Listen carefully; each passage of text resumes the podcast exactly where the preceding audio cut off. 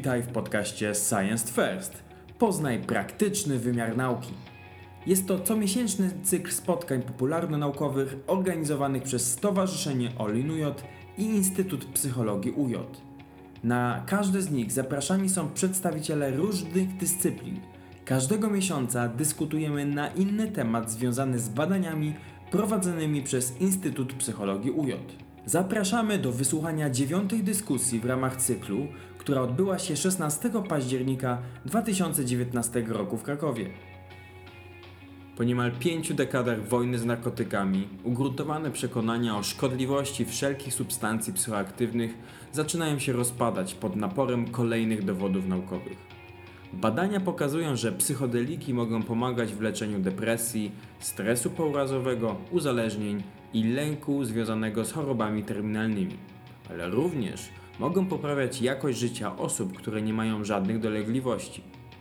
Doświadczenia wywołane za pomocą tych substancji sprawiają, że z większym zrozumieniem podchodzimy do własnej osoby oraz innych ludzi. Gośćmi spotkania był Maciej Lorenz, socjolog, tłumacz, współpracownik Polskiej Sieci Polityki Narkotykowej i Społecznej Inicjatywy Narkopolityki, współtwórca magazynu Transwizje, współtwórca Polskiego Towarzystwa Psychodelicznego oraz Małgorzata Pawłowska, psycholog, specjalistka terapii uzależnień, pracująca w poradni Monar w Krakowie. Dyskusję moderowała Justyna Hopot z Instytutu Psychologii UJ oraz Tomasz Pytko, dziennikarz, bloger Tomasz w Krakowie. Zapraszamy do wysłuchania zapisu rozmowy.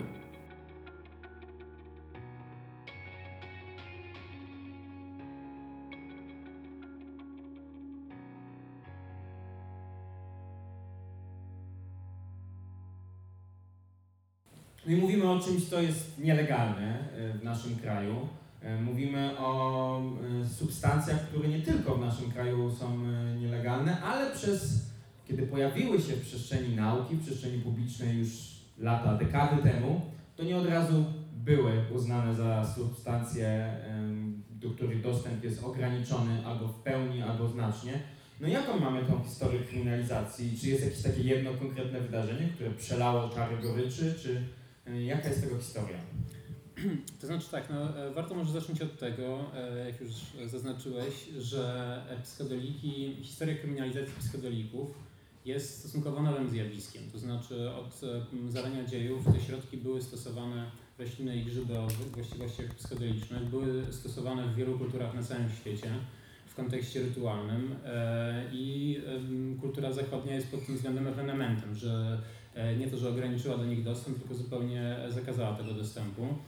E, zresztą kultura zachodnia, jeżeli liczyć starożytną Grecję jako, e, jako kolebkę naszej cywilizacji, miała przez mniej więcej 2000 lat rytuał, który był zorientowany wokół przyjmowania substancji najprawdopodobniej halucynogennej. Mam tutaj na, tutaj na myśli mm, misteria Veleuzis, które odbywały się co roku, uczestniczyła w nich znaczna część obywateli. Były one skupione wokół kultu Persefony i Demeter i kluczowym elementem ceremonii było przyjęcie wywaru, kokaonu, który ewidentnie nie był winem, sądząc po opisach. E, nie można było zdradzać, e, co dokładnie się działo w trakcie tej ceremonii, natomiast opisy znanych filozofów, o których się wszyscy uczymy w szkołach, e, którzy uczestniczyli w tym rytuale, wskazują na to, że mieli oni możliwość dotknięcia rzeczywistości niedostępnej za pomocą codziennych zmysłów. E, Albert Hoffman, wynalazca LSD, wraz z kilkoma innymi badaczami w dość przekonujący według mnie sposób e, wykazał, że podstawą do stworzenia tego kokaonu był, tego wywaru był, były przetrwalniki z Poryszu, z których e, on w latach 30. pozyskał prekursory do syntezy LSD. E, natomiast psychodeliki również współcześnie są stosowane w wielu kulturach, e, powiedzmy, tradycyjnych w kontekście rytualnym. Przede wszystkim warto wymienić e, kulty ayahuaskowe w Ameryce Południowej, kulty ibogainowe w środkowej Afryce, kulty skupione wokół grzybów psylocybinowych w Meksyku chociażby, czy kulty skupione wokół przyjmowania meskaliny z kaktusów w obydwu Amerykach.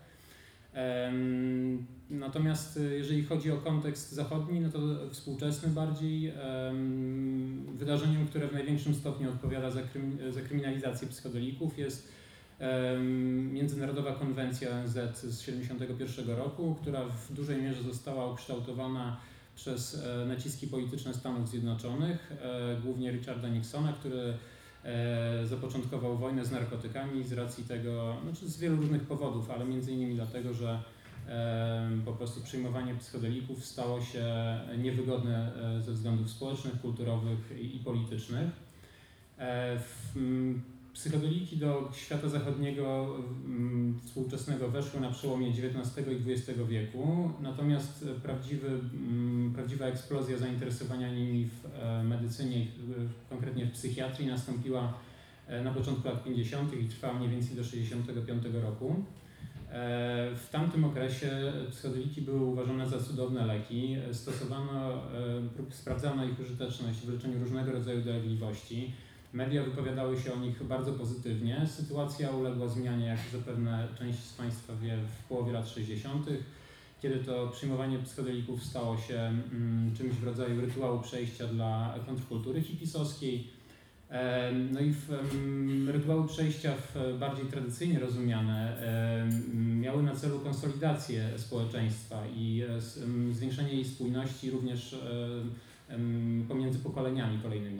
Polegało na tym, że osoba przechodząca rytuał, e, ry- rytuał przejścia e, jakby wchodziła w, do grona dorosłych członków społeczności. Rytuał przejścia skupiony wokół LSD głównie i psylocybiny w kontekście kontrkultury amerykańskiej, hipisowskiej miał, e, różnił się od tych tradycyjnych rytuałów przejścia tym, że miał kompletnie odwrotne, odwrotną funkcję, to znaczy miał na celu spotęgować różnice międzypokoleniowe i pomóc w wyzwoleniu się z okowów e, technokratycznego społeczeństwa opresyjnego. E, te Wszystkie te rzeczy były e, oczywiście nie na rękę politykom, również konserwatywnej części społeczeństwa, w związku z czym e, Stany Zjednoczone zdecydowały się zdelegalizować psychodeliki. Mm, Narzuciły również, e, z racji tego, że miały ogromną przewagę ekonomiczną, narzuciły również innym krajom poprzez ONZ e, swoje, swoje podejście do środków psychoaktywnych w ogóle, a między innymi do psychodelików. E, No i tak, tak jak e, powiedziałeś, obecnie psychodeliki w Polsce, jak i w większości krajów na świecie są traktowane jako niebezpieczne narkotyki o braku znanych zastosowań medycznych i wysokim potencjale nadużywania. E, Wydaje się, że ta klasyfikacja nie przystaje do e, współczesnego stanu wiedzy naukowej i nie przystawała również w latach 70. To co sprawiło w takim razie, że psychodeliki w świadomości społecznej powoli zaczęły e, ulegać reklasyfikacji i przechodzić z tej kategorii niebezpiecznych narkotyków w kierunku leków. Coraz więcej badaczy zaczęło się interesować potencjałem psychodelików, Mhm. przynajmniej na zachodzie. Mhm. To znaczy, no ten mm, proces był e, rozciągnięty w czasie, natomiast e, większość ba- badań podczas tej wcześniejszej fali, to nie było też tak, że te wszystkie projekty zostały z dnia na dzień przerwane. One z większym lub mniejszym powodzeniem e, trwały do bodajże 77 roku. Natomiast prowadzenie badań nad psychodelikami stało się niewygodne ze względów politycznych, też nie, nie, pojawiły się trudności coraz większe ze zdobyciem finansowania. Też e, Sandoz, producent LSD, ograniczył dostęp do, do psychodelików. Ta sytuacja zaczęła się zmieniać e, pod koniec lat 80., na początku lat 90. Po części wynikało to mm, po prostu z tego, że zmieniły się osoby w instytucjach amerykańskich, które udzielają e, pozwoleń na tego rodzaju badania, przede wszystkim w e, FDA i w DEA. Również w, na przełomie lat 80. i 90. uformowały się główne mm, fundacje, które aż do dzisiaj em, napędzają, em, napędzają mm, badania nad psychodelikami, zarówno od strony pozyskiwania funduszy, jak i budowania infrastruktury takiej powiedzmy akademickiej e, do tego, żeby te badania można było prowadzić. E, W 1986 roku powstało Multidisciplinary Association for Psychedelic Studies, czyli MAPS w skrócie, w 93 e, Hefter Institute, w 98 e, Beckley Foundation. To są trzy główne fundacje, które współcześnie e, odpowiadają za renesans badań nad psychodelikami. E, mm, Z których założycielami między innymi e, książce. tak, tak, tak. E, Ze wszystkimi osobami e, odpowiedzialnymi za e, z tych, z tych fundacji e, mają Państwo możliwość przeczytać wywiady w mojej książce. Więc oni tam bardziej szczegółowo opisują, jak, jak wyglądał ten proces. Mhm. Skoro przeprowadziłeś z nimi badaniami, bada, wywiady, prowadzą oni badania, mają fundacje, które zbierają środki na prowadzenie takich badań, to znaczy, że gdzieś te badania są możliwe. Mhm. E, Gdzie one są prowadzone, skoro wiemy, że nie jest to Europa? Znaczy w Europie też są prowadzone. Nielegalnie. Legalnie, nie, legalnie. Y, Są em, generalnie coraz więcej krajów em, zgadza się na to, żeby eksperymentować z psychodelikami w kontrolowanych warunkach klinicznych, e, aby sprawdzać ich potencjał medyczny. I to może warto zaznaczyć, że to są legalne badania, które mają na celu pomagać cierpiącym ludziom. A na kim E, one są prowadzone? Na kim one są prowadzone? E, Znaczy obecnie naj, mm, takie dwa główne e, pola, w których znaczy pola, z którymi najwięcej nadziei jest związanych, to jest leczenie stresu pourazowego za pomocą MDMA. MDMA nie jest klasycznym psychodelikiem, ale w dużej mierze terapia z użyciem MDMA wygląda podobnie jak z użyciem klasycznych psychodelików. I też MDMA ma wiele cech, e, które można by uznać za, za, za psychodeliczne. I też może warto zazna- zaznaczyć, że w pewnym sensie terapia z użyciem MDMA jest filarem całego tego renesansu badawczego. To znaczy e, MDMA łatwiej gdzieś tam się wpisało w, mm, w kontekście klinicznym, w, w ramy takiego bardzo bardziej farma, farmakologicznego myślenia o, o wpływie e, leczniczym różnego rodzaju substancji.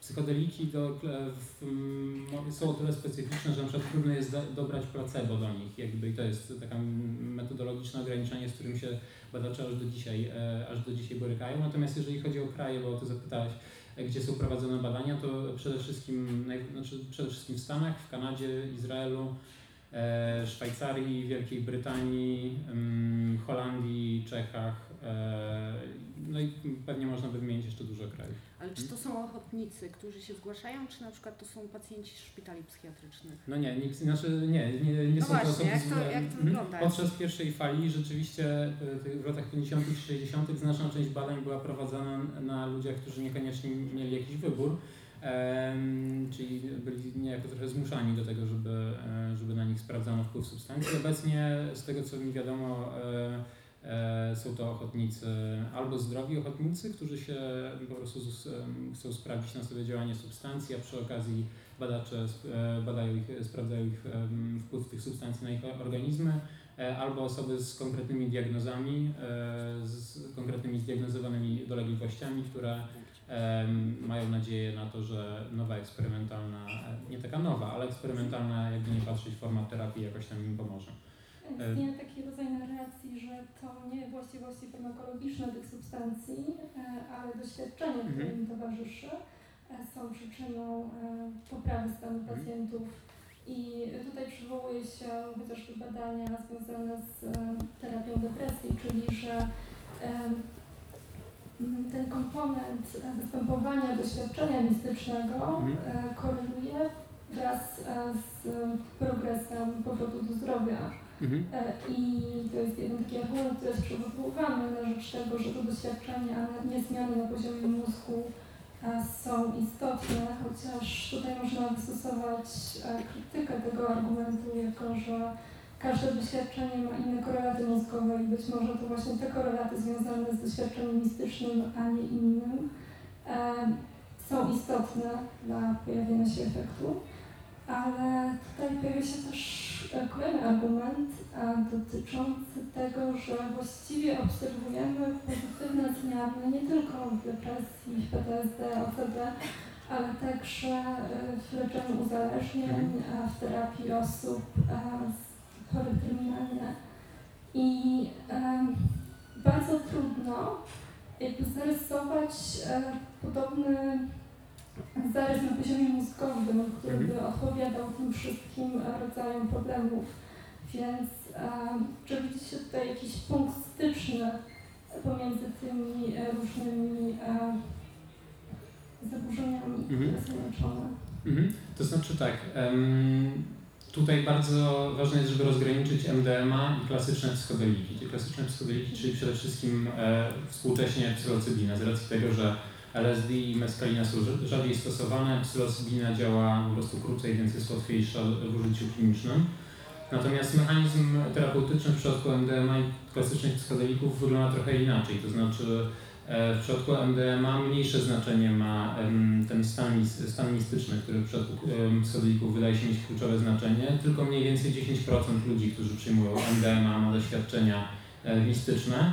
W przypadku MDMA za wpływ terapeutyczny wydaje się odpowiadać raczej zwiększenie otwartości emocjonalnej e, przede wszystkim ale również zmiany zachodzące mm, w sposobie działania mózgu, to znaczy e, MDMA jest głównie stosowane do leczenia stresu pourazowego i badacze zauważyli, że ludzie, którzy są straumatyzowani, e, mają cierpią na stres pourazowy, e, Oczywiście mają szereg dolegliwości bardzo uciążliwych, takich jak napady lęku, bezsenność, kompulsywne, kompulsywne znaczy nieustające powracanie do traumatycznych E, przeżyć.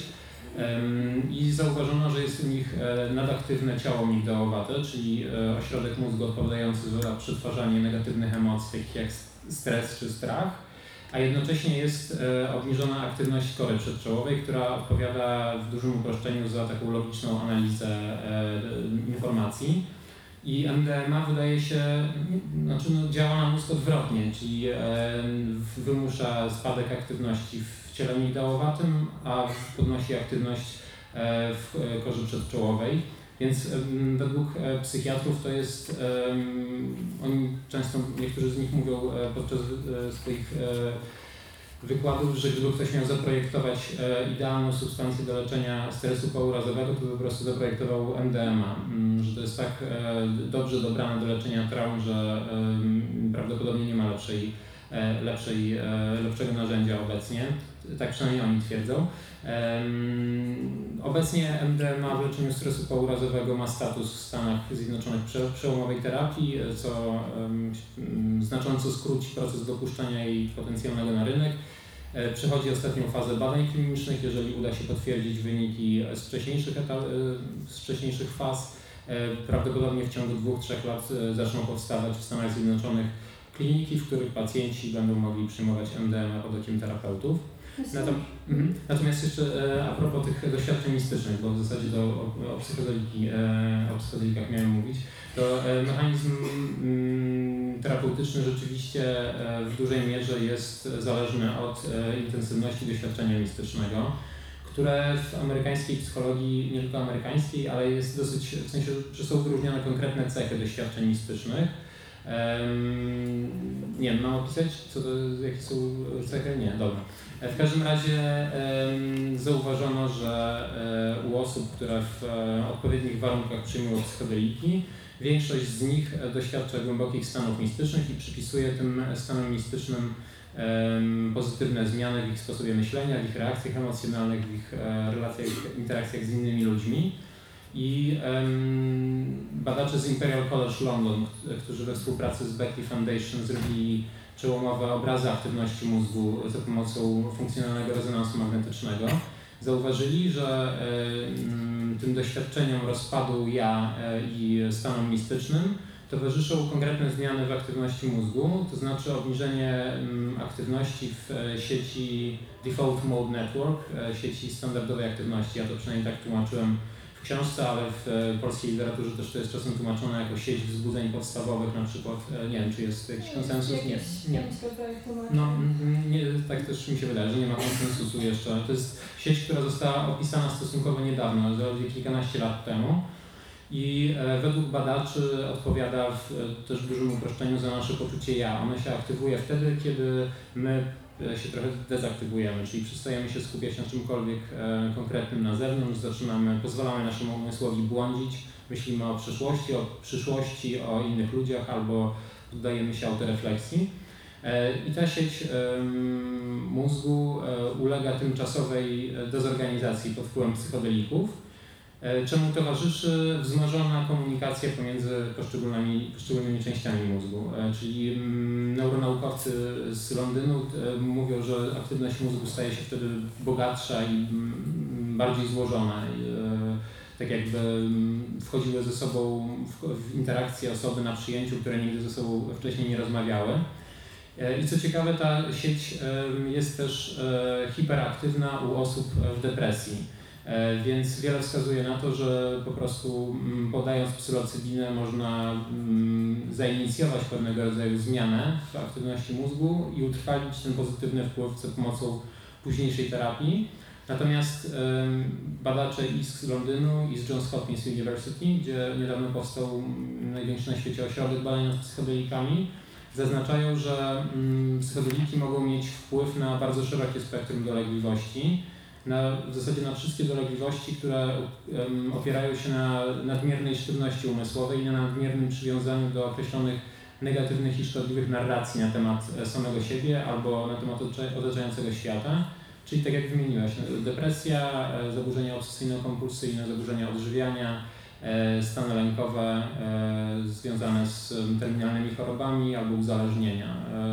Wszystkie te, wszystkie te dolegliwości wydaje się, że mogą być leczone za pomocą psychodelików. Przynajmniej u pacjentów amerykańskich i z Wielkiej Brytanii, więc może to Tak, jest dobry moment, a żeby przenieść się na grunt polski i e, dać głos swojej gości. E, Goś, chciałabym Cię zapytać, e, czy mogłabyś postawić jakąś diagnozę polskiemu środowisku terapeutyczno-psychiatrycznemu i e, powiedzieć nam trochę, czy temat substancji psychodelicznych pojawia się w tym środowisku, a jeżeli tak, to czy jest traktowany poważnie? No, na ten moment chyba nie jest traktowany poważnie i tylko niektórzy terapeuci yy, preferują pogląd taki, że można by było korzystać z tych środków. Yy, głównie są to terapeuci, jeśli chodzi o uzależnienia związani z yy, poradniami, czyli z ambulatoriami. Yy, I też yy, psychoterapeuci teraz szkolą się więcej, więcej poznają. Dobrze, że, że powstają takie książki też yy, i myślę, że jest to możliwe w przyszłości. Kryminalizacja tutaj jest szkodliwa w tym względzie. No właśnie, bo tutaj też dotykamy mm, tego, co gdzieś na samym początku jeszcze mogło wybrzmieć, em, o, o skutkach tej kryminalizacji teraz w Polsce, tak? E, Czy, czy no, ogólnie na całym świecie, czy kryminalizacja ma więcej, raczej nega, ma negatywniejszy wpływ na całą sferę em, środków psychoaktywnych, psychodelicznych niż dekryminalizacja? Czy potwierdzi, zgodzisz się z taką tezą, czy, czy wręcz przeciwnie z Twojej perspektywy Z mojej perspektywy praktycznej, że kryminalizacja szkodzi, że, że ludzie zażywają środki, które są bardziej szkodliwe i toksyczne. W Polsce na 100% to jest według mnie. Pracuję kilkanaście lat. Mm, No to tutaj też rodzi się od razu pytanie o, o to, o użycie rekreacyjne, o setting sitting, jak, jak to się określa. Jak bardzo ono modyfikuje nasze doświadczenia, jak, y, czy jednak jest niezbędne połączenie stosowania substancji psychoaktywnych z psychoterapią, czy z swojego punktu widzenia Z mogło mojego być to- punktu widzenia z psychoterapią musi być to połączone, bo jeżeli ktoś to robi, y, za, zależy jaka jest motywacja. Jeżeli y, motywacją jest pójście na imprezę i y, dobra zabawa, no to wtedy ten terapeuta nie jest potrzebny. Jeżeli chodzi o leczenie tych wszystkich zaburzeń, które tutaj były wymienione, no to be, bez terapeuty to jest trochę bez sensu. Musi być bezpieczne środowisko, też według terapeutów wszystkich y, y, modalności y, mówi się, że sama metoda jako taka nie leczy, tylko leczy terapeuta i relacja z nim. Z tym, że ja uważam, że powinien pacjent mieć prawo wyboru do terapii, czy będzie chodził na 10, 10-letnią terapię psychodynamiczną, czy też chce teraz się poczuć lepiej, nie? Za na przykład po Czym jest 10 terapia spotkaniach. psychodynamiczna? W, w jakim sensie? Znaczy, No na jedna z me- metod, No mówisz o... która trwa na przykład y, około 10 lat może trwać, nie? A, a czasami jest tak, że szybciej umrzemy. No tak. Ale wśród y, nawet projektów, które realizuje Monarch, y, Wśród projektów, które realizuje Monarch, to głównie w ośrodkach stacjonarnych była preferowana terapia behawioralna. Teraz takie leczenie trwa rok czasu i jest w miarę wystarczające. Wracając do tych motywacji, to czasem też um, osoby sięgają po psychodeliki, tak mam wrażenie, po to, żeby stosować jakąś rodzaj autoterapii i tutaj się pojawia kontekst e, mikrodawkowania. e, czyli przyjmowania bardzo małych dawek psychodelików e, albo właśnie w celu jakiejś autopomocy, bądź też w celu rozwoju swoich funkcji kognitywnych i jednocześnie można spotkać się z krytycznymi głosami i niejednoznacznymi badaniami w tym temacie, ale też e, także badacze psychodelików odradzają mikrodawkowanie jak na razie. O ile mi wiadomo, nie wiem, czy Maciek możesz do tego Tak, powiedzieć? znaczy na, na razie em, mikrodawkowanie w, em, mikrodawkowanie w ogóle wzbudza ogromne zainteresowanie i, e, ludzi i mediów. Natomiast jeżeli chodzi o e, liczbę badań, które e, dostarczałyby jakichkolwiek wymiernych informacji na temat realnego wpływu mikrodawkowania, to one dopiero się rozpoczynają. Cały trend został zapoczątkowany w, bodajże w 2011 roku. E, James Fadiman napisał e, książkę Przewodnik podróżnika psychodelicznego i tam zawarł rozdział, w którym opisywał relacje ludzi, którzy do codziennej pracy używają mm, bardzo niewielkich ilości psychodelików po to, żeby zwiększyć swoją produktywność, kreatywność, wydajność e, i poprawić No sen. właśnie, tu jest ta legenda Doliny Krzemowej, że, że Mhm, wszyscy tak. prezesi największych firm świata chodzą na fufanie od rana do wieczora i ich programiści.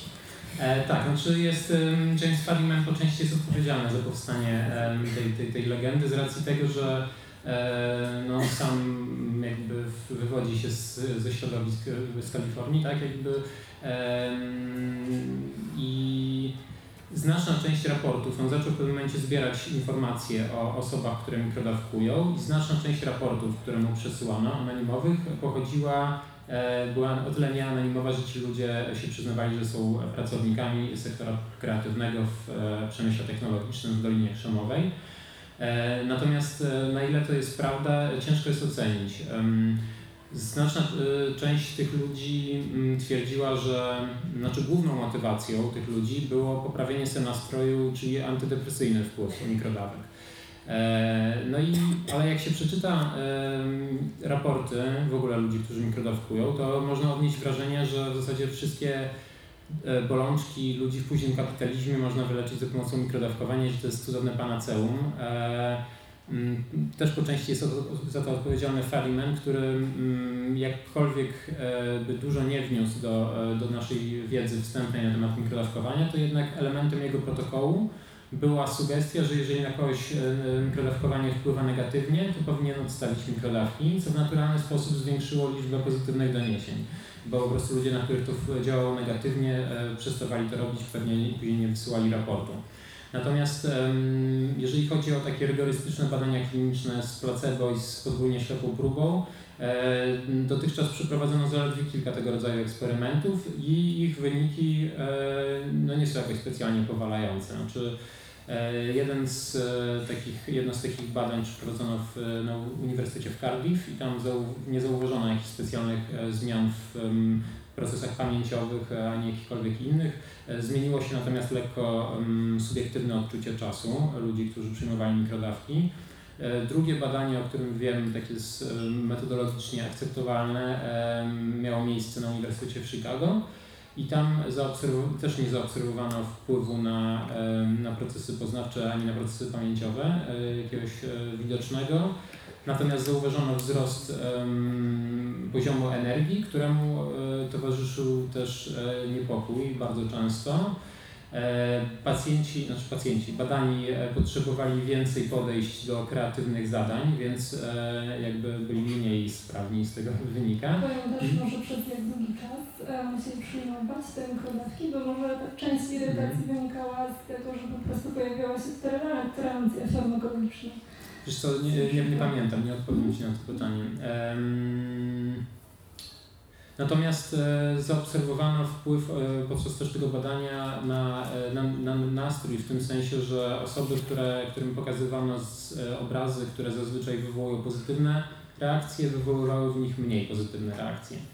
Co ciekawe, też David Olson z Uniwersytetu Kalifornijskiego podawał małe dawki DMT myszom i zaobserwował u nich e, mm, antydepresyjny wpływ.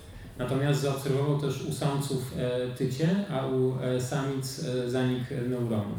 Więc to jest tyle ciekawe, że rok wcześniej on opublikował artykuł wraz z kolegami, z którego wynikało, że jednak psychodeliki mogą sprzyjać rozwojowi neuronów.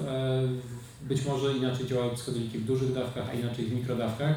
Jeden z czołowych e, autorytetów, e, jeżeli chodzi o mm, farmakologię i psychofarmakologię mm, psychodeliczną, czyli David Nichols, e, jest emerytowany już teraz naukowiec, jest raczej sceptycznie nastawiony do mikrodawkowania i ostrzega przed tym, że regularne przyjmowanie psychodelików może mieć nieznany dla nas jeszcze wpływ na sposób produkcji endogennych hormonów, e, neuroprzekaźników e, i na metabolizm, więc e, on zaleca ostrożność i przeprowadzenie wcześniej większej liczby badań na jednych zwierzętach.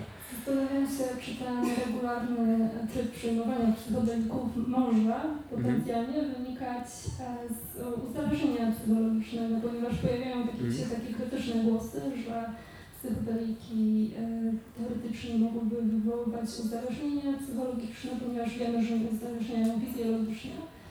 E, I zastanawiam się, to jest pytanie właściwie do Gosi, czy... Fizjologicznie Nie, uzależnienie. Nie, nie, nie. Aha, nie. E, Czy, co sądzisz o tym i czy mieliście do czynienia może w Monarze z osobami, które miały kiedykolwiek problem z psychodelkami i e, czy mieliście też do czynienia z osobami po tak zwanych e, bad tripach, czyli negatywnych doświadczeniach związanych z przyjmowaniem psychodelików i na ile stałe mogą być takie doświadczenia? Y, Jeżeli chodzi o y, uzależnienie od psychodelików, ja osobiście się nie spotkałam z, z takim uzależnieniem, oprócz MDMA, y, które może być y, uzależniające, ponieważ jest bardzo przyjemne. Y, Z jednym z uzależnionych od psychodelików to się spotkałam tylko raz w swojej praktyce. Była to nadużywana gałka muszkatułowa codziennie przez rok. To, to było uzależnienie takie dosyć dziwaczne. E, Jeżeli chodzi o bad tripy, zdarzają się, e, z tym, że to e, są krótkotrwałe stany od kilku godzin do, do kilku dni i nawet nie dni, to flashbacki. I no, wystarczy za, zapewnienie bezpieczeństwa tej osobie, spokój, też nie wyprowadzanie na siłę z tego stanu. I to jest wystarczające po prostu. Sugestie jakieś. y, Czyli de facto przy możemy mówić o zbędności terapeuty, jeżeli ktoś jest w stanie na przykład otoczyć się osobami, które Tak, mogą tak, przyjaznymi, dokładnie. Mhm. Dobra, mamy odpowiedź, Zap- zapadła cisza, chyba że macie coś dodać. Znaczy, mhm. e, tak na marginesie, znaczy nie, niektórzy badacze w ogóle mm, jak gdyby niekoniecznie lubią taki podział na bad tripy i good tripy, w sensie, że jakby em, wielu pacjentów i wiele osób, które w ogóle uczestniczy w sesjach psychodelicznych, zaznacza, że negatywne doświadczenia często są e, znacznie bardziej pouczające i gdzieś tam popychają je do wprowadzenia zmian niż, niż pozytywne e, doświadczenia. Tak, znaczy więc e, korzystniej pewnie byłoby mówić o rozwijających i nierozwijających e, doświadczeniach. Nie wiem. Mhm. Jakby często można spotkać się z takimi głosami, że psychodeliki fundamentalnie zmieniły cudze życie Mhm. e, albo sposób postrzegania rzeczywistości i zastanawiam się, co według Ciebie psychodeliki mogą nowego powiedzieć na temat rzeczywistości, jakie pytania, odpowiedzi, na które nie odpowiada współczesna nauka. Jeszcze bym chciała dodać do, tych, y, do tego, co Ty powiedziałeś a propos bad tripów, y, że nie, jak Ty to nazwałeś, żeby jak to nazwać? No nie wiem, Nieprzyjemne. rozwi- rozwijającymi. Rozwija- mhm. No właśnie, rozwijająca terapia nie jest wtedy, kiedy jest przyjemna, nie? Mhm. Psychoterapia też stosowana sama, więc y, ba, ba, bardziej, bardziej rozwijająca będzie ta nieprzyjemna, czyli można by było ją nazwać, gdyby była bad tripem. Mhm. No. E, mhm, tak, zgadzam się. E, e, jakie było pytanie? E, jeszcze raz powiedz. E, czy, mnie raczej dotyczyło tego, y, co psychodeliki Mhm. mogą nam powiedzieć nowego na temat e, okej. rzeczywistości, E, bądź nas, e, w jaki sposób e, teoretycznie mogą zmienić Znaczy, nasz sposób mhm. funkcjonowania. Tak, jakby w, w zasadzie to jest w pełni uzależnione od subiektywnych doświadczeń konkretnej osoby. Natomiast e, co według mnie jest e, najciekawsze w tych też w rozmowach ze wszystkimi badaczami, z którymi przeprowadziłem wywiady, jest to, że e, wiele wskazuje na to, że mamy w swoich ciałach aparaturę, która jest dostosowana do tego, żeby przeżywać stany mistyczne i te stany mistyczne można wywoływać w określonych warunkach z pewną przewidywalnością. Więc e, są one czymś naturalnym z biologicznego punktu widzenia i mamy narzędzie, e, za pomocą którego możemy badać zarówno te stany, ich, ich naturę, jak i ich wpływ na długofalowy na, e, na, na życie człowieka, a przez to również na społeczeństwo. To może dobry moment, żeby wyjaśnić, co dokładnie masz na myśli, mówiąc o stanach mistycznych. Mhm. Okej. e, Takie systematyczne em, opisy stanów mistycznych zapoczątkował zgodnie z moją wiedzą e, William James. Był przynajmniej jednym z prekursorów, również jednym z prekursorów w ogóle amerykańskiej psychologii. E, On eksperymentował m.in. z podtlenkiem azotu i zwracał uwagę na to, że odmienne stany świadomości, które, których on doświadczał, i których w ogóle ludzie mogą doświadczyć, mogą nam powiedzieć bardzo więcej o codziennej strukturze psychicznej niż badanie samej tej codziennej struktury psychicznej. Czyli jakby lekka zmiana systemu może nam powiedzieć więcej o systemie niż e, sam system mówi o sobie. E, natomiast w późniejszym czasie odmienne stany świadomości, doświadczenia szczytowe między innymi były przedmiotem zainteresowania e, psychologii, psychologii humanistycznej, później psychologii transpersonalnej. Więc Amerykanie mają dosyć długą tradycję badania tego rodzaju stanów i też są opisane konkretne cechy e, tych doświadczeń. I wiele wskazuje na to, że doświadczenia wywoływane za pomocą psychodelików nie różnią się od stanów, które są opisywane w tradycyjnych, e, w tradycyjnym kontekście religijnym, w, w pismach e, mistyków z różnych kultur i z różnych okresów historycznych. Najbardziej charakterystyczną cechą doświadczenia mistycznego jest utrata em, utrata poczucia codziennej, codziennego ja, czyli poczucie zjednoczenia ze wszystkimi żyjącymi istotami albo w ogóle z całym wszechświatem. Jest, e, inną cechą jest em, poczucie wykroczenia poza codzienny czas e, i codzienną przestrzeń. E, również przeświadczenia o tym, że nawiązało się kontakt z różnie rozumianą świętością, zazwyczaj abstrakcyjnie rozumianą świętością w przypadku doświadczeń psychodelicznych. W sensie to nie jest em, spotkanie osobowego Boga bardzo często, tylko spotkanie świadomości, która przenika cały wszechświat. Inną cechą jest poczucie, że tych stanów nie da się opisać za pomocą codziennych słów, e, chociaż ludzie e, starają się to robić na wszystkie możliwe sposoby i dosyć e, barwne m, opisy można znaleźć w internecie, w wielu książkach również.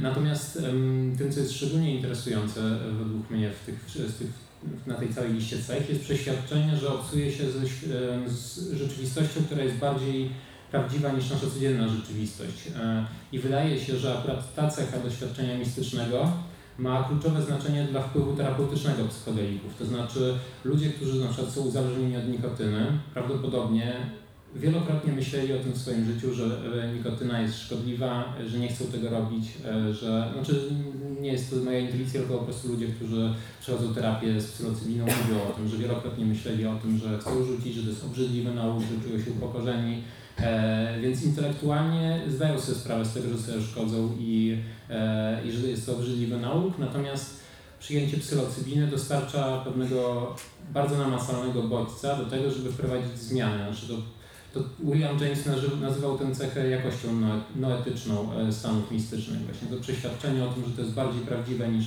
codzienna rzeczywistość. Poprzez to przeświadczenie ludzie e, mają mm, wrażenie, że obcują z jakąś najgłębszą prawdą. To nie są ich przemyślenia czy, e, czy jakieś poglądy, tylko to są po prostu głębokie bardzo stany, które ich popychają później do wprowadzenia zmian. Ten stan można utrwalić poprzez e, terapię, e, w sensie poprzez integrację doświadczenia e, w rozmowach z, tera- z terapeutami. W książce rozmawiasz z badaczami, z naukowcami, którzy takie terapie przeprowadzają i chciałbym teraz dopytać o to, jak mniej więcej ta terapia wygląda, bo Mhm. to, co wynika z tej książki, to, że to są bardzo długofalowe procesy przygotowywania em, przez terapeutę, przede wszystkim bardzo ważnej roli terapeuty i relacji z tym terapeutą w, w wykorzystywaniu terapeutycznym psychodelików.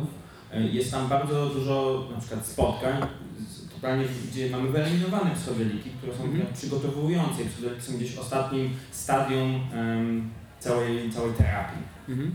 To znaczy tak, na przykład MAPS, ich terapia e, stresu Przypomnijmy, to jest fundacja Tak. Multidisciplinary Association for Psychedelic Studies, fundacja, która naj, największa na świecie, która głównie się skupia na leczeniu stresu pourazowego, na leczeniu stresu pourazowego za pomocą MDMA. A jeżeli tam to jest y, głównie stres wojskowy, czy E, oni się w dużej mierze się skupiają na weteranach wojennych. Em, początkowo w ogóle mm, prowadzono badania nad ofiarami przemocy seksualnej w Hiszpanii. Te e, badania zostały mm, przerwane, ponieważ em, bardziej konserwatywne kręgi em, hiszpańskiego społeczeństwa zaprotestowały. O dziwo na weteranów amerykańskich ni- nikt aż tak e, nie reagował, aż takimi sprzeciwami. Więc ze względów myślę, że po części politycznych ta, ta grupa konkretna została e, wybrana. Zresztą też pozyskiwanie funduszy było znacznie łatwiejsze na pomoc weteranom. MAPS otrzymał na, na swoją działalność na przykład między innymi dofinansowanie, znaczy w ogóle badania nad psychodelikami są sponsorowane głównie przez osoby prywatne z, bardzo różnych e, kręgów. Em, Dolina Krzemowa, wspomniana e, wcześniej, jest bardzo ważnym źródłem finansowania. Mm, Chociażby jest taka transseksualna osoba Ashona Haley, ona bodajże 5 milionów dolarów dała MAPS-owi. E, MAPS otrzymuje też pieniądze od anonimowych internautów za pomocą bitcoinów, tam jakoś się- rozliczają. E, Rodzina Rockefellerów też wspierała badania nad psychodelikami, ale co najciekawsze, również e, mm, konserwatywna Rebecca Mercer, która wcześniej sponsorowała kampanię wyborczą Donalda Trumpa, przekazała pieniądze, całkiem pok- e, pokaźną sumę MAPS-owi właśnie na pomoc eksperymentalną formę terapii weteranom wojennym. E, Natomiast jak wygląda terapia? E, W przypadku MAPS-u em, taka standardowy protokół, tak jak mówiłem, MDMA nie jest klasycznym psychodelikiem, ale jakby ich protokół wygląda tak, że 3,5 miesiąca łącznie trwa ta główna część terapeutyczna. Najpierw są trzy spotkania przygotowujące, później są e, podczas których terapeuci wyjaśniają, czego można się spodziewać, też starają się zbudować zaufanie z, z pacjentem, em, w relacji z pacjentem. Później mają miejsce trzy sesje e, z substancją psychoaktywną, pomiędzy którymi e, one są od- e, oddalone o miesiąc. Pomiędzy tymi trzema sesjami z substancją czynną są trzy spotkania integrujące, czyli podsumowując, są trzy spotkania przygotowawcze, trzy sesje mm, z MDMA i dziewięć spotkań integrujących. E, dziewięć już po... tak, tak, tak. Czyli Więc jakby nacisk, tak, znaczy nacisk jest raczej położony na to, co jest po doświadczeniu niż e, przed doświadczeniem. E, no i oczywiście pacjenci znajdują się pod nadzorem e, bodajże przez 12 miesięcy, ale teraz nie, nie, nie pamiętam ile dokładnie. Ale to nie jest w warunkach klinicznie zamkniętych, tylko półotwarte rozumiem, nie przebywa na stałe. tak, tak, tak. Znaczy te osoby żyją normalnie, tylko zgłaszają się do, do ośrodków w te Ale konkretne trzy sesje są będąc w ośrodku? Tak, w, konkretnie, w konkretnym miejscu. Zresztą jakby. MAPS też zdobył e, pozwolenie na w ogóle na stosowanie MDMA i będzie zakładać te kliniki e, najprawdopodobniej w ciągu dwóch, trzech lat, ale warto zaznaczyć, że nikt inny nie będzie mógł tego robić. To znaczy oni się tak dogadali z amerykańskim rządem, że będą mieć monopol na to i e, to jest też e, no, interesująca kwestia. Myślę, że jesteśmy w takim momencie, gdzie możemy dać sobie y, na chwilę pauzę tutaj y, i zwrócić się bardziej teraz w Waszą stronę. Witam wszystkich, których nie witaliśmy wcześniej. Samuel obiecał być, podałem sobie sprytnie, naszym wsparciem i przedłużeniem, więc czy mamy pytania? Będziemy prosić, żeby podejść tutaj nieco bliżej, żeby je zadać. Mamy jakieś pytania? Okej, widzę już. Ja już z mikrofonem. Pani. Okej. I będziemy mieli na pierwszych trzech. Nie, nie. Nie, musi być polepszy. Dlatego mówiłem, że trzeba podchodzić. Dobra. Będziemy mieli dla pierwszych trzech osób e, książki. Mam dwa pytania, jedno jest krótkie i konkretne. Ale będzie jedna książka. W takim razie, jak wygląda taka sesja terapeutyczna z MDMA, jakby ile ona trwa i czy to jest klasyczna sesja terapeutyczna, czy Mhm. jakoś to inaczej, czy ten pacjent rozmawia z terapeutą? Mhm. Tak, to jest ba- bardzo dobre pytanie. W zasadzie był dwa najpierw. Mhm, dobra, to powiedz drugie pytanie. E, A drugie pytanie jest dłuższe i e, chciałam zapytać o to doświadczenie mistyczne, no bo e, jak wiemy ono ma najczęściej pozytywne skutki, tego co czytałam zdarzają się też negatywne skutki i jak to się ma Mhm. do poglądów, które zostały, które nie wiem, wyznaje tam dany pacjent, nie wiem, jego poglądy na religię, na politykę, bo ja wiem, że one się mocno potrafią zmienić. I też chciałabym zapytać, jak to wygląda też y, z perspektywy nie wiem, informowania na przykład pacjentów o możliwości takich zmian Mhm. głębokich w sposobie myślenia. Mhm. E, tak, znaczy sama, sama sesja, zarówno jeżeli chodzi o psychodeliki, jak i o MDMA, polega na tym, że pacjent ma zakryte e, oczy opaską, ma zakryte na uszach, ma słuchawki, z których leci e, wcześniej przygotowana muzyka, która ma odpowiednio ukierunkować doświadczenie. E, Jest też proszony o to, żeby w możliwie największym stopniu przekierować uwagę do wnętrza, to znaczy komunikacja werbalna jest e, ograniczona do niezbędnego minimum. E, oczywiście pacjent w każdym momencie może zdjąć opaskę e, z oczu i wdać się, jeżeli na przykład poczuje niepokój, e, to zasygnalizować to terapeutom, natomiast ich e, rola w trakcie samej sesji z użyciem środka psychoaktywnego raczej przez w większości przypadków z tego co wiem ogranicza się do tego, żeby uspokoić tę osobę, żeby ona wróciła do, do swojego, do eksplorowania swojej przestrzeni wewnętrznej. Też jeszcze od lat 50. e, dba się o to, żeby w, żeby w pomieszczeniu były odpowiednie obiekty, na których pacjent może ukierunkować uwagę, jeżeli już chce zdjąć opaskę. Bardzo często jest e, stosowana do tego celu róża e, rozkwitająca i pacjent jest proszony o to, żeby na przykład na szczycie działania LSD, teraz psylocybiny, ale LSD stosowana raczej częściej w latach 60. i 50 e, ukie- żeby po prostu się wpatrywał w taki medytujący, medytacyjny sposób e, w, w róże. Róża jest oczywiście symbolem w naszej kulturze e, piękna, więc e, pacjenci bardzo często doświadczają silnej stymulacji takiej estetycznej i poprzez tę stymulację estetyczną e, przebijają się do stanów mistycznych, e, wzno, wznoszą się, e, no tak, przebijają się do stanów mistycznych. Więc e, nie wiem, czy odpowiedziałem na to pytanie, ale tak, jakby w, trak, w trakcie samej terapii jakby jest e, komunikacja werbalna jest przed sesją psychodeliczną i po niej, natomiast w trakcie samej sesji jest ograniczona do minimum. A czy tak samo jest przy tych sesjach z MDMA? Mm, tak. Mhm. Dziękuję bardzo. Okej, a drugie y, pytanie? Jakie było? Mistyczne, zmienia się Negatywne negatywne skutki. skutki. O, I o wpływ jakby Tak, na... znaczy jedną z, tak, jedną z tych doświadczenia mistycznego, y, które wymieniłem, jest to, że em, to doświadczenie jest e, oceniane pozytywnie i ma pozytywny wpływ na, właśnie na zachowanie, więc z definicji y, doświadczenie mistyczne nie ma negatywnego charakteru. Nie wszyscy oczywiście się z tym muszą zgadzać. E, Natomiast pacjenci są uprzedzani o tym, że doświad- mogą doświadczyć e, rozpadu em, jakby codziennej też struktury, zmian w, e, zmian w strukturze osobowości, ogóle to jest też ciekawe, że psychodeliki, osobowość jest z założenia czymś, co zmienia się mm, tylko w kluczowych momentach życia. Natomiast badacze z Johns Hopkins University zauważyli, m, sprawdzając wpływ na wielką piątkę cech osobowości, że e, u dwóch trzecich e, uczestników sesji psychodelicznych trwale wzrasta otwartość, rozumiana jako otwartość na, na doświadczenie, na, też na punkty widzenia, z którymi niekoniecznie się zgadzamy. I mm, ten aspekt działania psychodelików też e, jest często gdzieś tam przytaczany w wypowiedziach liderów e, czy, czy MAPS-u, czy Berkeley Foundation. E, Z racji tego, że na przykład Rick Doblin z MAPS otwarcie mówi, że oni nie uprawiają polityki, nie uprawiają nauki, tylko upolitycznioną naukę i chcą zmieniać świat w bardzo konkretny sposób.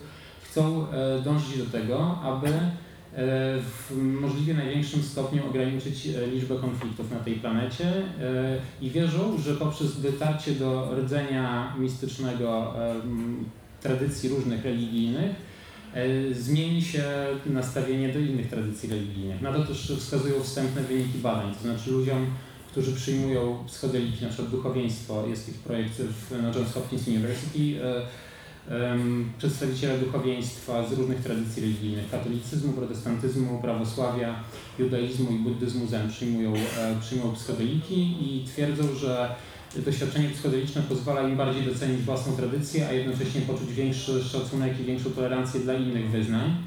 E, MAPS zresztą rozpoczął właśnie trzyletni projekt, e, w ramach którego będzie badać e, wpływ na zdolność psychodelików do mm, sprzyjania mm, ro- rozwiązywaniu konfliktów. I w ramach tego projektu e, obywatele Izraela i Palestyny razem przyjmują MDMA i rozmawiają o, e, o, o toczących się tam Myślę, wojnie. że możemy w Polsce też takie badania.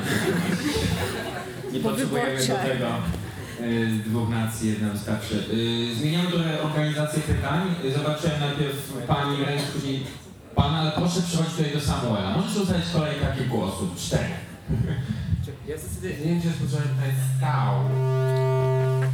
Więc jeszcze prościej, tak, może prościej będzie, jeżeli rzeczywiście będą Państwo tutaj podchodzić, a ja spróbuję wyłapywać kolejne osoby i będę Państwu migał, że może jest Pan, następnie jest Pani, a potem się zgłasza Pani tutaj. tu Pani tutaj i na razie są te trzy osoby i będziemy potem wyłapywać Państwa dalej. A ja teraz schowam, żeby nie sprzęgało. Zapraszam tutaj do pytania. Y, Trochę nas kabel ogranicza stąd.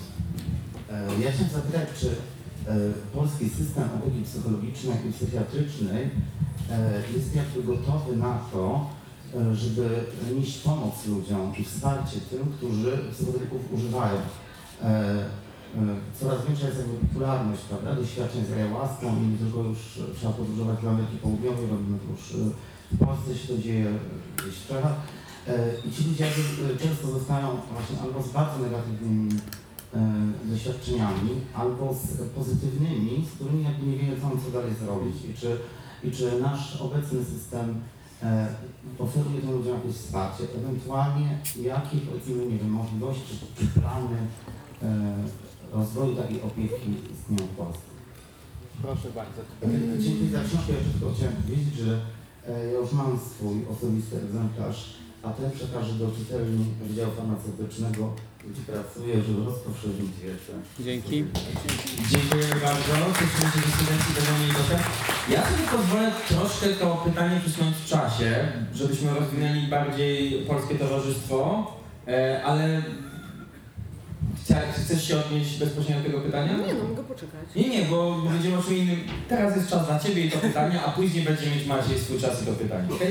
Ja, ja myślę, że polski system jest przygotowany na to, że nie potrzeba jakiejś specjalnej opieki osób, które e, używają psychodelików w celach terapeutycznych. Jeżeli chcą, mogą się zgłosić do określonych psychoterapeutów i, i oni powinni umieć się tym zająć. Powiemy sobie za kilka dosłownie zdań więcej na temat nowego projektu, którym jest Maciej, którym jest Justyna, ale to za kilka chwil, e, żeby tak wszystko uporządkować i oddajemy głos trzeciej, trzeciej, trzeciej uczestniczce naszego spotkania. Ja mam pytanie, czy jest ryzyko uzależnienia się od takiej terapii PMDMA i co ile odbywają się takie sesje? Mhm. E,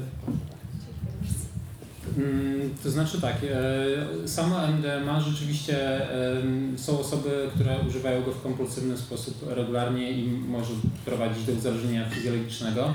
Natomiast w kontekście terapeutycznym e, raczej się to nie zdarza, z tego co mi wiadomo. I to może też warto zaznaczyć, że w, dotychczas w kontekście takim klinicznym, e, przed badaniami w ogóle z jakimikolwiek środkami psychodelicznymi, wliczając to MDMA, są przeprowadzone badania przesiewowe. E, Późniejszy etap integracji tych doś- doświadczeń z sesji póki co pozwalał całkowicie uniknąć długofalowych negatywnych e, konsekwencji. To, znaczy- to znaczy nie było żadnych przypadków uzależnienia od terapii od MDMA. E, Co nie zmienia faktu, że, że można się uzależnić od MDMA. Nie wiem, co, co odpowiedzieć na to pytanie. Ja myślę, że tu jest ważny kontekst, nie? Jeżeli ktoś się zgłasza po psychoterapię i pomoc, to raczej się nie uzależni. Tak, znaczy em, to jest e, bardzo trafna uwaga. Znaczy inaczej też MDMA działa w kontekście terapeutycznym, a inaczej w kontekście rekreacyjnym. Tak twierdzą też pacjenci, którzy na przykład ze stresem pourazowym e, się mierzą pod wpływem MDMA. E, Niektórzy z nich, według tego co usłyszałem od jednego z psychiatrów, mówią, że nie wiedzą dlaczego to jest nazywane ekstazą, bo nie czują pozytywnych, e, nie czują euforii. Czują po prostu, że otwierają się emocjonalnie na traumatyczne doświadczenia i zyskują do nich dostęp w taki bardziej racjonalny sposób, jednocześnie też zyskują dostęp do relacji terapeutycznej, którego wcześniej nie byli w stanie zbudować, ponieważ jedną, jednym z kryteriów PTSD, stresu pourazowego jest to, że pacjent nie potrafi rozmawiać o traumatycznych doświadczeniach, więc jak gdyby oni w trakcie sesji wracają do e, traumatycznych doświadczeń, nie wiem, czy od tego można się uzależnić, od, e, od traumatycznych, od traumatycznych doświadczeń. Pewnie można. Y, zaraz powrócimy do, do pytań z sali, a teraz powrócimy do tego pytania o to, co w Polsce, jak w Polsce. Na przestrzeni wielu lat y, działania związane z polityką narkotykową, abstrahując od tego, że to konik Macieja i mógłby nam osobno mhm. teraz na, na ten temat mówić, ale skupmy się stricte na, na psychodelikach i na nowo powstałym Polskim Towarzystwie Psychodelicznym, które Maciej wraz z Justyną mają przyjemność współtworzyć, ale chcę tu wskazać szerokie spektrum osób, które zaangażowały się w ten projekt, od byłego e, ministra zdrowia Marka Balickiego, który jest psychiatrą, E, po twórcę internetowego, propagadora edukacji popularno-naukowej Motosława, z którym niejednokrotnie także miałeś e, uliczne wywiady w internecie. Rzucaliśmy takie intro na, na wydarzenie o Polskim Towarzystwie, no ale jakie Wy sobie cele stawiacie jako organizacja, która chciałaby, żeby w Polsce celach, rozumiem, odpowiedź na pytanie głównie przede wszystkim medycznych i terapeutycznych psychodeliki były dostępne do prowadzenia jakichkolwiek badań? Mhm. To znaczy, mm, nie do końca się zgodzę z tym, e, co ty powiedziałeś, że, jakby, że polskie środowiska terapeutyczne i psychiatryczne i psychologiczne są w pełni gotowe na, e, na, jakby na przyjęcie psychodelików. W tym sensie, że wielu terapeutów nie, nie za bardzo wie, jak nie, nie, się nie, do nich... to było pytanie hmm? na, na zajmowanie się ludźmi, którzy hmm?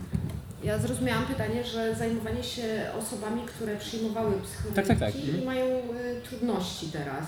Mhm tak? Pozytywne. Mhm. Znaczy, ja zrozumiałem tak pytanie, y, proszę powiedzieć, czy tak jest, y, że czy polscy terapeuci i medycyna polska jest przygotowana, żeby stosować psychodeliki w terapiach? A, no to na pewno nie. Nie, Jeszcze, nie. To proszę nam powiedzieć, jak to naprawdę było. Czy polscy psychoterapeuci i psycholodzy e, są w stanie udzielać wsparcia e, osobom używającym, używającym psychodelików? zarówno w aspekcie jakichś pozytywnych doświadczeń, tak, żeby wyciągać z nich jak największe korzyści, ale też w aspekcie zajmowania się negatywnymi doświadczeniami, które po psychodelikach użytkownicy mogą, mogą mieć. Ja myślę, że jeżeli jest psychoterapeuta dobrze przygotowany do pracy, to jak najbardziej mhm. tak. E, Okej, okay. e, ja z... To już mamy zgodność, że to kryterium. E, w każdym razie nie ma na pewno infrastruktury terapeutyczno-psychiatrycznej do tego, żeby robić w Polsce sesje legalne z użyciem psychodelików.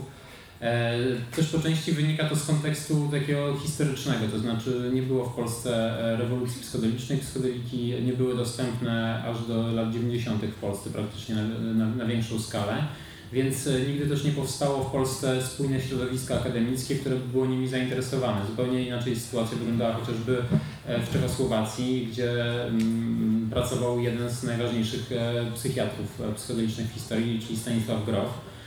Pod tym względem Polska jest o kilka dekad do tyłu względem innych krajów.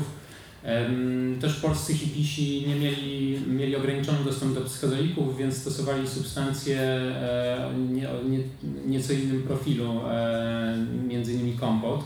E, więc to też przyczyniło się do zbudowania bardzo negatywnego wizerunku w ogóle substancji psychoaktywnych w Polsce. I póki co w, są... Poszerzając jeszcze, przepraszam, kontekst, no dyskursu medialnego i kwestie dopalaczy mhm. i kwestie legalizacji e, marihuany. To były jakby jedyne takie wątki medialne, które mogliśmy zaobserwować na przestrzeni ostatnich lat, jeżeli mówimy o jakichkolwiek substancjach. Mhm. Znaczy tak, e, cała afera związana z dopalaczami jeszcze dodatkowo dolała oliwy do ognia z racji tego, że mm, według europejskiego raportu narkotykowego obecnie w, w ogóle w Europie, tam Polska nie, nie ma podziału na kraje, ale ogólnie w Europie jest e, około 730 nowych substancji, których działania nie znamy. One są dostępne na rynku, są sprzedawane przez Darknet, ludzie e, z nich korzystają i e, w dużej mierze jest to następstwo kryminalizacji, znaczy bardzo represyjnej, prohibicyjnej polityki z racji tego, że ludzie po prostu szukają zamienników legalnych substancji, które są już znane i a głównie dostarcza im tych substancji chińska mafia. Więc to jest znacznie poważniejsze zagrożenie niż psychodeliki na chwilę obecną. To znaczy, według tego samego raportu, europejskiego raportu narkotykowego, liczba użytkowników psychodelików to jest mniej niż 1% e, w społeczeństwie. E, nagłe wypadki, interwencje medyczne są praktycznie nieuwzględniane jakby w przypadku psychodelików. To znaczy, to się tak rzadko zdarza w porównaniu z innymi substancjami, że nie jest problem społeczny na chwilę obecną. E, więc jak gdyby widać tutaj niewspółmierność e, prawa do skali problemu, problemu tak, społecznego, natomiast obecne prawo blokuje, a przynajmniej bardzo ogranicza możliwość prowadzenia jakichkolwiek badań. Obecnie psychodeliki są w Polsce, należą do grupy 1P, czyli właśnie substancji o wysokim potencjale nadużywania i braku zastosowań medycznych Praca z tego rodzaju substancjami jest potwornie droga, trzeba zdobywać mnóstwo pozwoleń, przechodzić przez komisje bioetyczne, które e, w Polsce prawdopodobnie by się mm, długo zastanawiały nad tym, czy dopuścić tego rodzaju, mm, dopuścić tego rodzaju badań na ludziach. No ale właśnie między innymi w tym celu e, powołaliśmy towarzystwo, które ma na celu, znaczy ma dążyć do tego, aby zmienić najpierw obraz e, psychodelików w oczach opinii publicznej, w oczach społeczeństwa, to znaczy dostarczyć jak największej ilości informacji, rzeczowych informacji na temat psychodelików, a następnie próbować e, zmienić kontekst polski. To znaczy nie ma w Polsce, zgodnie z moją wiedzą, e, terapeutów na przykład, którzy byliby przeszkoleni według takich standardów obowiązujących na świecie, jak przeprowadzić badanie nad, z użyciem psychodeli, nad terapeutycznym zastosowaniem psychodelików. W sensie nie ma ludzi, którzy by wiedzieli, jak to do końca zrobić, albo nie mają jeszcze papierów, więc trzeba ich po prostu przeszkolić. Wspomniałeś o John Hopkins University, o miejscu, które teraz staje się takim motorem napędowym badań nad e, psychodelikami. Hmm. W jakim kierunku oni chcą tam w tym zakresie znaczy, działać? Tak, ona się, ona się nie staje, tylko jest 20 lat jednym z głównych ośrodków, natomiast ostatnio e, po prostu ono bardziej się sformalizowało, to znaczy e, założono tam Centrum Badań nad Psychodelikami i Świadomością, które zgromadziło 17 milionów dolarów na, na swoją działalność będą mieć środki na 5 lat pracy. E, wcześniej e, każdy odrębny projekt e, z użyciem psychodelików był finansowany odrębnie, czyli badacze musieli chodzić po sponsorach i prosić ich o, o dotacje, natomiast w tym momencie będą mieć stabilność finansową, dzięki czemu będą też mogli skuteczniej ocenić, jakim grupom pacjentom, pacjentom, pacjentów można pomóc za pomocą psychodelików, natomiast w przypadku jakich grup pacjentów e, psychodeliki nie mają zastosowania, a wręcz mogą im zaszkodzić. I będą tam kontynuować po części pracę, którą się zajmowali dotychczas, ale będą też badać zagadnienia, których nikt wcześniej nie badał. E, z takich nowych zagadnień na przykład będzie projekt dotyczący uzależnienia od opioidów, co e, w Stanach jest ogromnym problemem społecznym, to znaczy przydawkowanie opioidów jest pierwszą naj, najbardziej rozpowszechnioną, nienaturalną przyczyną zgonów w Stanach e, obecnie. E, będą też badać tam wpływ psychodelików na zaburzenia emocjonalne u osób z Alzheimerem albo z zespołem poboreliozowym, e, również wpływ na, na ludzi z zaburzeniami odżywiania, z, konkretnie z anoreksją. Będą też badać stres pourazowy, tendencje do nadużywania alkoholu u osób pogrążonych w depresji, e, będą też skupiać się na mikrodawkowaniu. Czyli najlepiej jakbyśmy wysłali jakiegoś swojego naukowca teraz do John Hopkins University, żeby współuczestniczył w tych badaniach później? Znaczy myślę, że do czeskiej Pragi byłoby nawet łatwiej kogoś wysłać. Zobaczcie, bo chciałem to zapytać, czy spotkałeś się, słyszałeś o młodych starszych polskich naukowcach, albo jaki to jest ośrodek naukowy, którzy chcieliby chociaż podjąć takie działania. Tak, mhm. sieciować ci na przykład z, z, z, z praskim uniwersytetem, to na Niemcy Karola, tak? W Pradze czy na innym? Mm, medycznym. Tak. To znaczy, to, teraz mam na myśli, te projekty są sponsorowane przez Narodowy Instytut Zdrowia Psychicznego, natomiast nie wiem, gdzie dokładnie się... Okej, okay, no bo jeżeli jest mhm. Praga, no to to już w ogóle inna sytuacja. No bo mówisz, no znaczy takie to zdanie, że no nie mamy w Polsce mhm. przygotowanej ani infrastruktury, ani osób, które mogłyby te badania rozpocząć mm. czy prowadzić. No więc żebyśmy je mogli zainicjować, no to widzę, że Justyna, przepraszam, chce zainicjować te badania, tak? To będzie deklaracja? Jednak to musisz zdeklarować. Ale chciałam tylko dorzucić, że jedyna infrastruktura, jaką obecnie mamy, to wygoda prowadzenia tego rodzaju badań na myszach i szczurach, ponieważ e, są takie badania prowadzone w Polsce z użyciem psylocybiny i prawdopodobnie niedługo LSD e, w kontekście terapii depresji. No i to wszystko. Mhm. Jak jaki, jaki środek? E, Pan w Krakowie. Instytut Farmakologa. Tak. Czy tam, gdzie był Petula? Natomiast e, droga do podawania e, psychodelików ludziom e, jest jeszcze długa. Prawdopodobnie. Okej, więc ten kontekst polski mamy zarysowany. Zdaje się, że tu było pytanie jeszcze jak był sweter. Już nie, nadal jest pytanie? Okej, to zapraszamy do, do zadania pytania. Bliżej, bliżej, bliżej. Jeszcze bliżej mnie. Nie ukrywam. Tak, ja zanim przejdę jeszcze do mojego pytania, tak jako terapeutka pracująca w życiu psychodynamicznym, chciałam tylko skomentować, że y, jakoś, no wydaje mi się, że w takim kontekście upowszechnianie takiego mitu, że ta terapia to, no, to trwa 10 lat i najpierw się wybierzemy do aniołków, zanim ona zadziała, to y, tak sobie myślę, że mm, jakoś jest y, no, szkodliwe i umniejszające doświadczenie osób, które w sumie y, pewnie dużo zyskały niejednokrotnie na tym.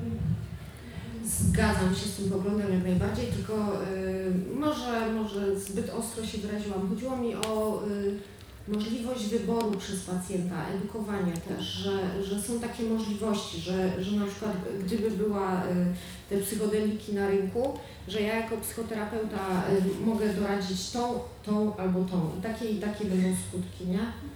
A najważniejsze jest to, że relacja leczy i w psychodynamicznej też.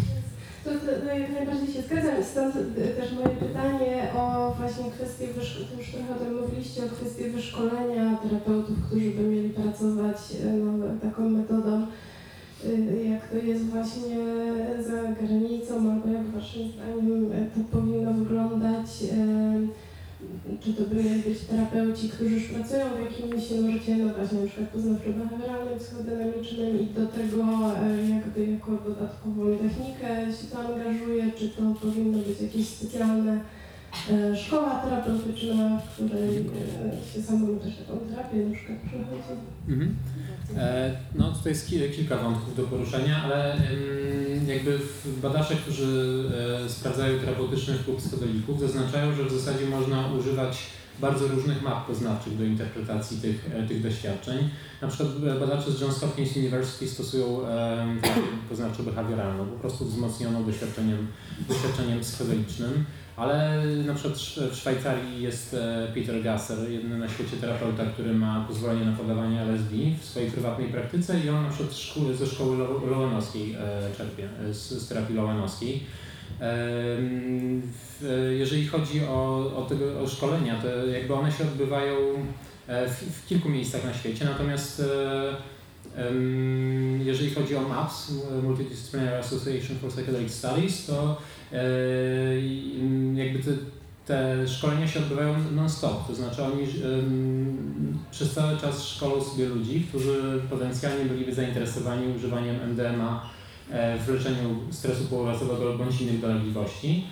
E, Prowadzą te szkolenia za darmo, ale e, tak jak wspomniałem wcześniej, prawdopodobnie MAPS będzie mieć monopol na stosowanie MDMA, więc niejako Ale w szkolą Stanach sobie w. Stanach, tak. E, w- Więc niejako szkolą sobie przyszłych pracowników, to znaczy mm, szkolą ich za darmo, ale nie będą mogli ci ludzie nigdzie indziej pracować niż tylko w MAPSie.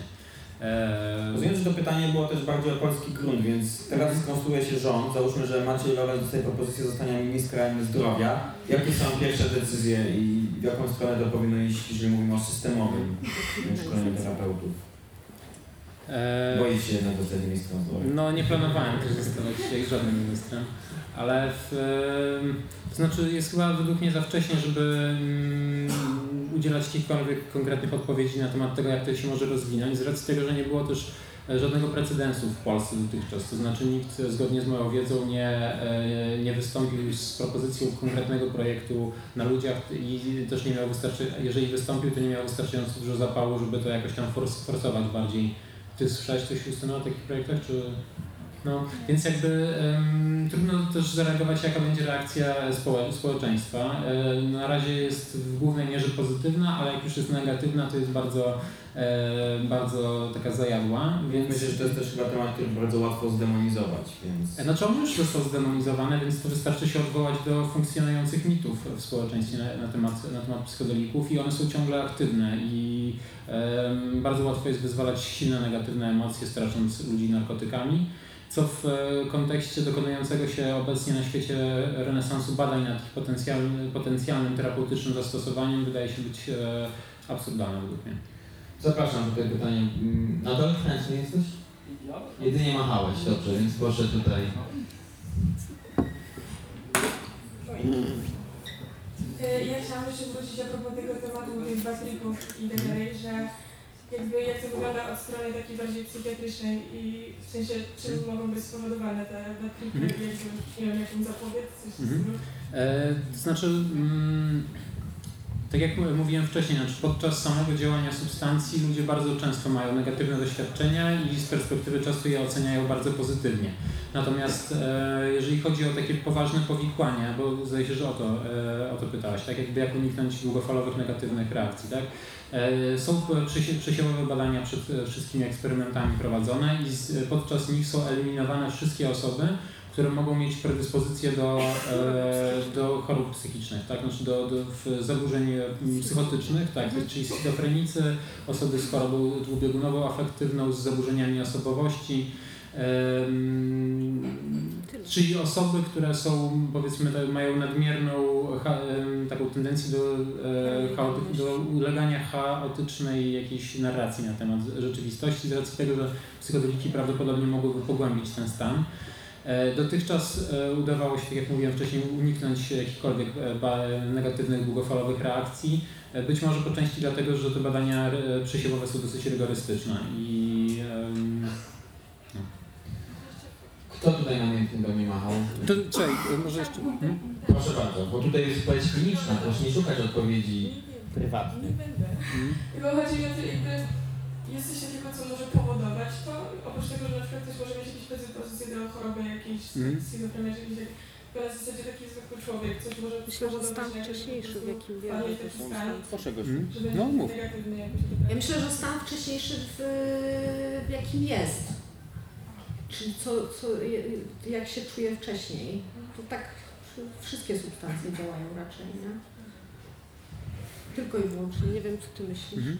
To znaczy, um, były też badania sondażowe na temat bad tripów e, na Johns Hopkins University prowadzone i tam e, część respondentów e, twierdziła, że przed przyjęciem substancji czuła się dobrze, natomiast po przyjęciu substancji się poczuła źle i ten stan się utrzymywał długofalowo. E, to było oczywiście w kontekście takim, nazwijmy to rekreacyjnym, czyli pozamedycznym. Więc e, jakby to jest też może warto zaznaczyć, że nie ma gwarancji, e, czy doświadczenie nie będzie silnie negatywne i czy jego skutki nie będą długofalowe, czy nie wpłyną szkodliwie na życie. W sensie nawet osoby, które miały pozytywne nastawienie, robiły to w odpowiednim otoczeniu, jakby miały negatywne doświadczenia i później cierpiały z tego powodu.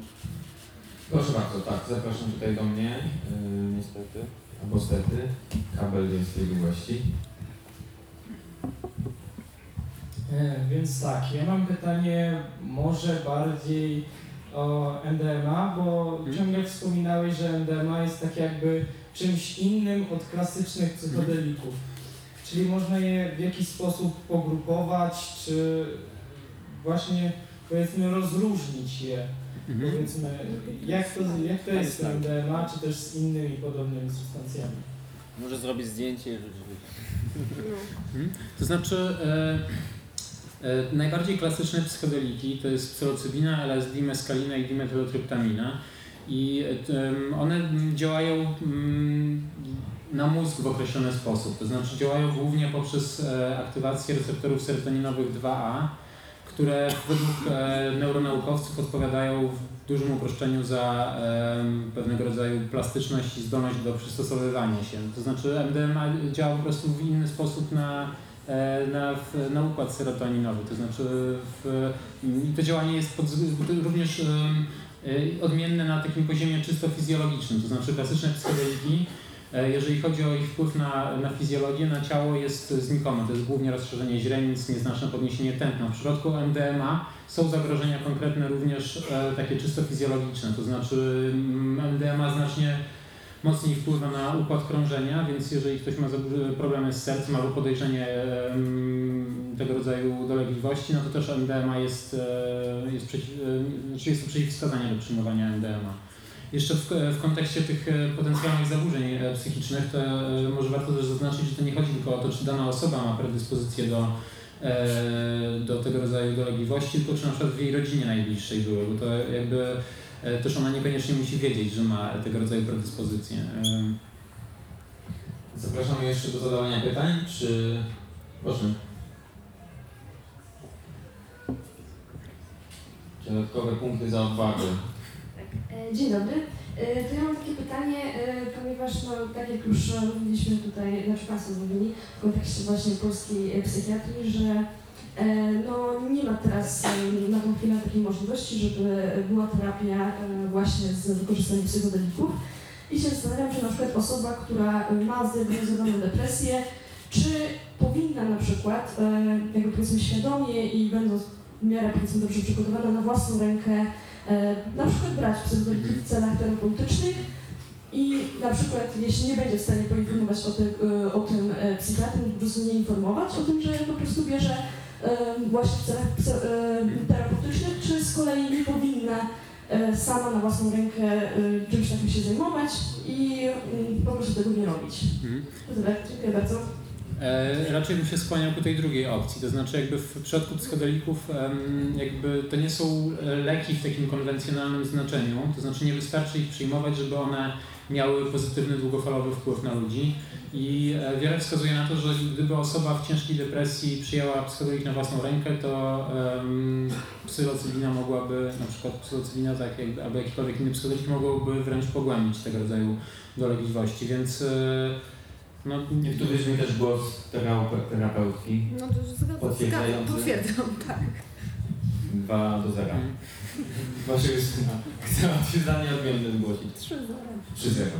E, zapraszamy znaczy, to jeszcze co nie zmienia faktu, że ludzie się leczą na własną rękę, próbują eksperymentować na własną rękę okay. i to jest dodatkowy e, argument za tym, żeby to uregulować. To znaczy, jest mnóstwo ludzi, którzy przeczytało już artykuły albo na przykład książkę o e, pozytywnym wpływie psychodelików potencjalnym na różne rodzaje dolegliwości i ci ludzie eksperymentują na własną rękę, więc e, wypadałoby, żeby stworzyć strukturę, która e, da tym ludziom jak, jakąś formę oparcia a najlepiej legalny kontekst, żeby to mogli robić bezpiecznie okiem terapeutów i innych specjalistów. Ostatnio słyszałem, że w kontekście właśnie badań nad MDMA i nad PTSD z y, żołnierzami y, w Stanach Zjednoczonych dokładnie organizacja DARPA y, stwierdziła, że y, będzie próbować zabrać cały efekt psychedeliczny, psychoaktywny i duchowy z MDMA i dać taką tabletkę, którą można dać żołnierzowi, żeby natychmiast y, przestał mieć E, PTSD, co mi się wydaje nielogiczne,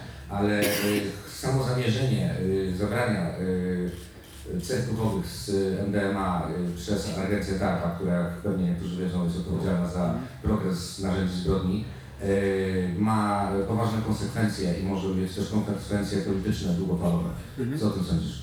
To znaczy tak, no DARPA rzeczywiście um, próbuje znaleźć e, e, analogii psychodelików, które nie będą mieć e, psychodelicznych właściwości. To znaczy chcą usunąć e, psychoaktywne działanie, a zostawić tylko działanie, e, które potencjalnie może być terapeutyczne. Według badaczy, znaczy zdania badaczy są zarówno pozytywne, jak i negatywne, to znaczy są też neutralne. E, ale w, wielu, wielu psychiatrów podkreśla, że tak jak mówiliśmy też wcześniej, że jednak wywołanie doświadczenia mistycznego i ten silny wpływ na psychikę jest niezbędnym elementem terapeutycznego wpływu, więc usunięcie e, tych konkretnych właściwości też e, zmniejszy albo w ogóle wyeliminuje wpływ terapeutyczny. Natomiast głosy przeciwne mówią, że zasadniczo nie wpłynie to jakoś specjalnie na ograniczenie znaczy nikt, e, to, że zostanie stworzony niepsychoaktywny analog MDMA używany w celach terapeutycznych, to nie sprawi, że zniknie MDMA. To znaczy, e, czy jeżeli powstanie psylocybina nie psychoaktywna, to, to nie znaczy, że, psycho, że psylocybina zniknie z, z, tej planety, więc jakby te narzędzia, który, którymi dysponujemy obecnie będą nadal dostępne, natomiast dla ludzi, którzy boją się z różnych względów e, rozpadu e, ego, boją się tego tak mocnych doświadczeń, być może użyteczny będzie analog, który nie ma tego rodzaju właściwości, a może im uratować życie, więc Troszkę dotykamy tutaj też tematu tego, wspominałeś, że na przykład MAPS będzie mieć e, pełny monopol na, na stosowanie prowadzenie badań, ale no ktoś, e, jeżeli mówimy o jakimś bardzo dalekim horyzoncie czasowym, o jakimś większej dostępności, no wchodzi nam to wszystko biznes farmaceutyczny, mhm. ale z drugiej strony zdaje się, że też chyba w Twojej książce wyczytałem, e, no nie można mieć jakby zaszczyt sobie prawa do żadnej z już istniejących substancji, mm. jest to jakby dostęp otwarty, open sources mm. z jednej strony, więc jakby gdzie jest ten biznes farmaceutyczny, no, gdzie jest pieniądz schowany. Mm. To znaczy e, to, że nie można opatentować e, naturalnych substancji o psychoaktywnych właściwościach, to nie znaczy, że e, nie można opatentować terapii z, z, użyciem, z użyciem tego środka. I rzeczywiście przez wiele lat, nawet przez wiele dekad nie było chętnych sponsorów do e, dawania pieniędzy na tego rodzaju badania, natomiast ostatnio się sytuacja zmieniła i wręcz inwestorzy e, zachęcają do tego, żeby inwestować w badania psychodeliczne, ponieważ e, dostrzegają w tym mm, rynek pewnego rodzaju. To znaczy jest na przykład taki, taki mężczyzna Timothy Ferris, on Pomagał wypromować różnego rodzaju startupy, pomógł rozwijać się Facebookowi, Uberowi, Twitterowi. Jest uosobieniem e, kapitalizmu e, i ten mężczyzna od 2015 E, bardzo wspiera badania nad psychodelikami. Mm, wręcz jest jednym z głównych, jedną z głównych osób odpowiedzialnych za kampanię gromadzenia środków właśnie dla, dla pieniędzy na te dwa ośrodki wspomniane, na Johns Hopkins University i w Imperial College w Londynie.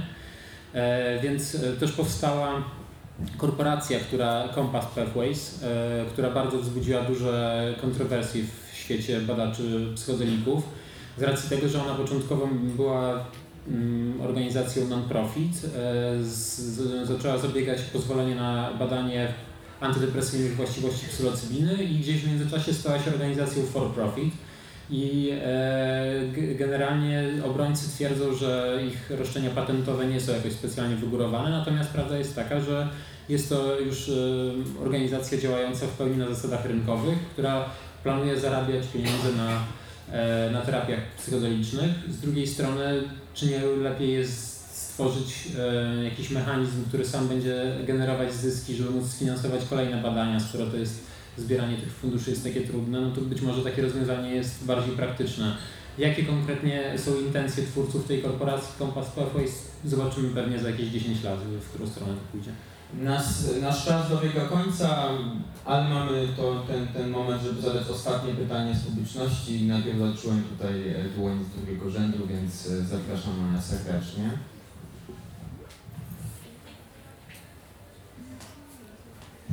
Przepraszam, konkluzja. E, ja chciałam zapytać o te testy przesiewowe, hmm? E, bo jakby te cechy doświadczenia mistycznego, które Pan opisał, też opisują w jakiś sposób doświadczenie psychotyczne. Hmm? Jakby w tym momencie wybuchu psychozy e, wygląda ono bardzo podobnie. Hmm? I znam też ludzi osobiście, którzy po jakby zażywaniu psychodelików no doświadczyli wybuchu psychozy i później rozwoju schizofrenii, więc jestem ciekawa też jak to wygląda. Mhm.